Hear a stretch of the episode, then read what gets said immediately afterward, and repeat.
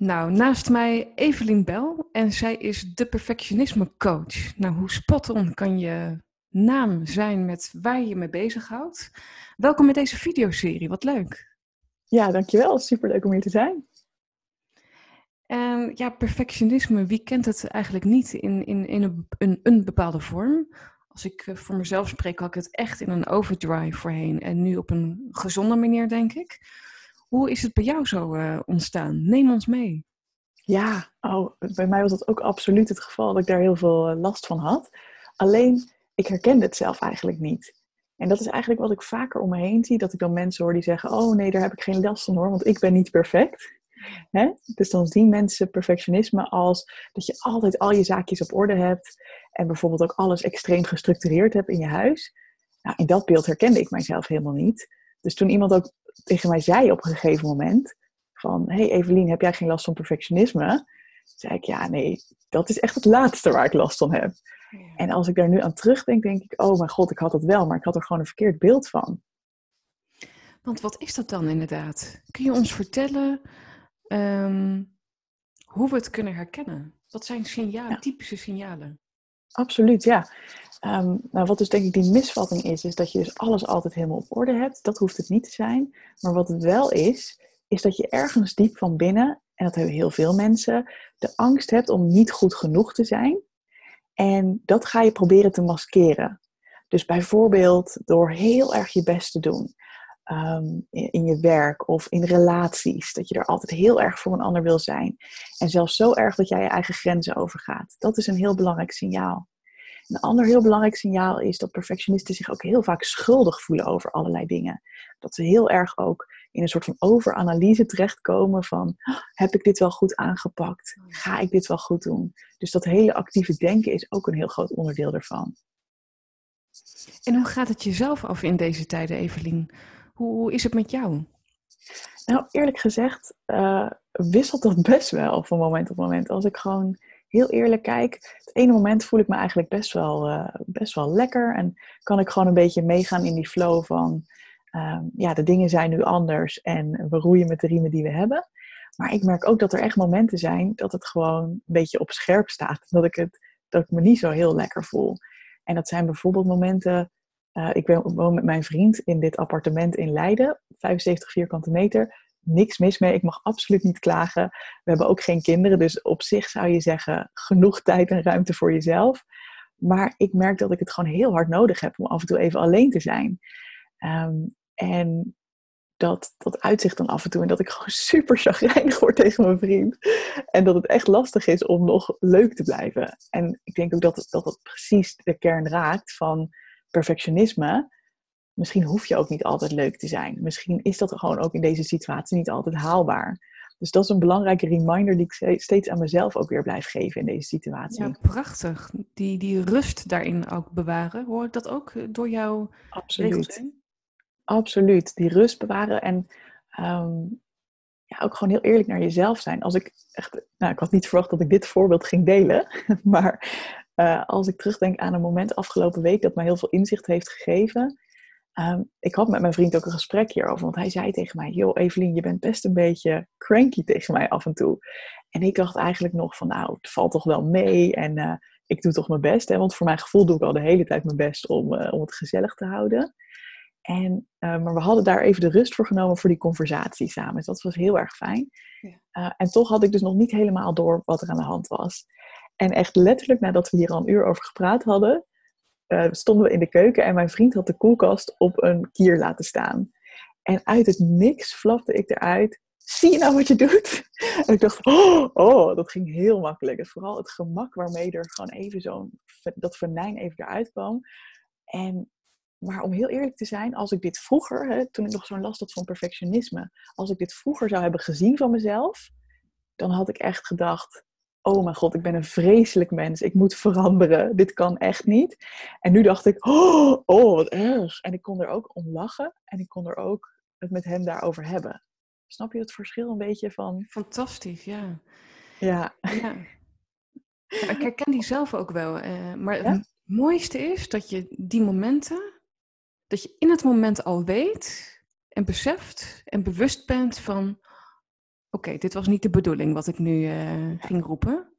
Ja. En daar dan ook dicht, dus niet, ja, dus dat je weet van het zit niet bij die ander, maar in mijzelf. Hè? En dat je dat dan bespreekbaar ja. maakt. Dat is zo mooi. En ik denk ook iets wat veel mensen die last hebben van perfectionisme dan als valkuil hebben, is dat op het moment dat zij die zelfreflectie eigenlijk doen, hè, dus dat zij zien van hé, hey, dit is mijn gedrag ten opzichte van de ander, ehm, dat ze dat dan niet puur pakken als een, een, een mooie observatie, iets waar je heel veel van kan leren, maar dat het helemaal doorschiet in extreme zelfkritiek. Dus dat het dan wordt, oh mijn god, dit kan echt niet. En uh, hoe heb ik dit kunnen doen? Dit, dit is niet aardig. En eigenlijk kunnen ze, uh, kunnen, ik vroeger ook, dus we, vinden het dan moeilijk te accepteren dat we ook op zo'n moment bijvoorbeeld niet perfect zijn in onze relatie. Terwijl, ja, we zijn allemaal mensen, weet je wel. Dit is, dit is ook een hele gekke situatie waar we nu in zitten. Dus ja, het is voor iedereen uitzoeken hoe je hiermee omgaat. Maar ik gun ook iedereen dat je, dat je die rust ervaart of, en dat bewustzijnsbesef dus hebt. Dat je in het moment zelf ook al je gedrag dus kunt zien. En vervolgens ook dus dat gesprek durft aan te gaan met je, met je partner of met wie dan ook. Uh, ja. Wat vraagt dat van mensen? Wat vraagt dat? Um, Naast reflectie. Vraagt, ja, dus wat vraagt het om er op zo'n manier naar te kunnen kijken, bedoel je? Ja, dat je dus, dus dat je de, de, de lage energie eigenlijk wat ontstaat, omturnt in positief voorwaarts bewegen. Ja. Wat daar super cruciaal in is, en dat is denk ik een stap die we heel vaak overslaan. Wij willen heel graag vanuit die negativiteit die we voelen, rechtstreeks naar, en nou moet ik me weer goed voelen, en nou moet ik weer leuk doen tegen mijn partner, zand erover gaan. Maar wat we dan eigenlijk overslaan is een heel belangrijk stuk daartussenin. En dat is een stuk van echt even voelen wat je voelt en er echt even bij stilstaan. Uh, iets wat ik bijvoorbeeld heb gedaan. En het is, het is heel grappig, want dit is mijn werk. Dus je zou denken, oh weet je, jij weet dit al, jij geeft het al jarenlang aan allerlei mensen mee. Um, nou, de, de, de psycholoog die gaat ook naar de, naar de psycholoog. Ja, precies. ja, ja, ja, Een coach heeft ook soms een coach. Um, en in dit geval was het weer een soort van reminder uh, dat ik het zo fijn vind om te schrijven. Dat is voor mij een manier om gewoon echt even tot de kern te komen. Eerlijk gezegd heb ik er ook niet altijd zin in. Want op zo'n moment dat je je niet zo fijn voelt, is het veel lekkerder en makkelijker om Netflix te kijken, om op Instagram te scrollen. En dat merkte ik ook echt, dat dat dus mijn uh, manier was om een beetje weg te bewegen van het ongemakkelijke gevoel. Um, en ik ben de afgelopen dagen veel meer gaan schrijven. Ik heb dus echt gewoon dagboek gepakt en ik ben gewoon echt gaan zitten, gaan schrijven. En toen kwam er, kwam er naar boven van, ja, maar waarom gebeurt dit eigenlijk? want als je direct vanuit bijvoorbeeld zo'n ruzie of zo'n conflict dat er is naar de oplossing toe wil, ja, daar zul je eerst even wat zelfonderzoek ook voor moeten doen. En even bij stilstaan van, ja, maar waarom? Wat gebeurt er eigenlijk bij mij dat dit zo vervelend voelt? En dat was bij mij bijvoorbeeld dat ik de diepe behoefte heb om meer alleen tijd te hebben. Dus ik ben ook even naar, de, naar mijn ouders toe gegaan. Ik heb in de caravan geslapen, daar in de tuin twee nachtjes. Gewoon om wat meer echt mijn eigen space te hebben. Oh, fantastisch. Dus ook, de, dus ook de belangrijke vraag, wat heb je nodig? Dat om naar jouw uh, gewenste situatie toe te brengen. Dat in jouw geval was dat, was dat rust in die caravan bij je ouders, als ik dat zo hoor, hè? Ja, klopt helemaal. Ja, en even een andere omgeving was voor mij ook heel cruciaal. Want ik was niet eens in die caravan zo heel veel tijd alleen. Uh, maar ook dat ik dan af en toe mijn ouders zag op anderhalve meter afstand. En even weer nieuwe gesprekken had. Dat was voor mij ook heel voedend. Ehm, maar daar dus eerlijk naar durven kijken, dat, is, dat vergt even vertraging. Dat vergt even jezelf gunnen om er naar te kijken. In plaats van dat je denkt, ik moet nu weer leuk doen. Dat is eigenlijk iets wat ik namelijk emotioneel perfectionisme noem. Hè? Dat jij het gevoel hebt, ik mag alleen maar positief zijn. Ik mag alleen maar zelfverzekerd zijn. Ik mag alleen maar ontspannen zijn. En eigenlijk wanneer jij je dus niet goed voelt, dus je bent moe of gestrest of onzeker, dat je dan het idee hebt van, ja, dit is niet goed, dit moet ik fixen. En heel kort, Evelien, hoe, hoe zie je dat nu? Want je, de maatschappij is natuurlijk geënt op uh, laten zien dat het fantastisch met je gaat. Zie je wel de kentering van het uh, verhoogde bewustwordingsbesef van mensen, dat ze massaal bij jou aankloppen? Of wat, wat, wat zie je oh, daarin? Absoluut. Ik zie daar gelukkig een hele, uh, ja, wat mij betreft, positieve beweging in. je ziet natuurlijk ook steeds meer mensen die niet alleen maar meer het mooie plaatje laten zien. Hè? Ook gewoon op social media, ook beroemdheden, zeg maar. Het is steeds meer ook ehm, ja, gebruikelijk en geaccepteerd om ook te laten zien wanneer we een baaldag hebben of wanneer we ons niet goed voelen. Ehm, en ik denk dat dat een hele belangrijke beweging is. En ik zie inderdaad, nou, inmiddels hebben meer dan 10.000 mensen bijvoorbeeld mijn gratis trainingen gedaan en mijn podcast geluisterd. Dus dat geeft denk ik al wel iets aan over hoeveel mensen hier behoefte aan hebben. Ja, fantastisch. Dat is echt heel mooi.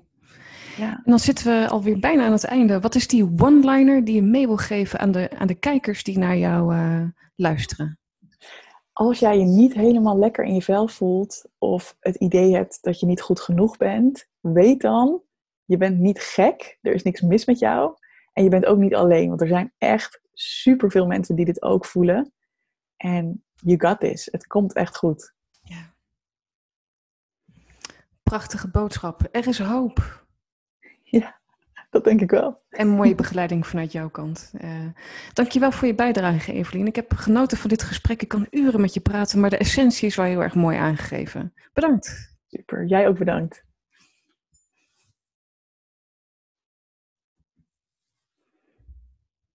Oh, super, Evelien. Het staat erop. Even kijken. Superleuk.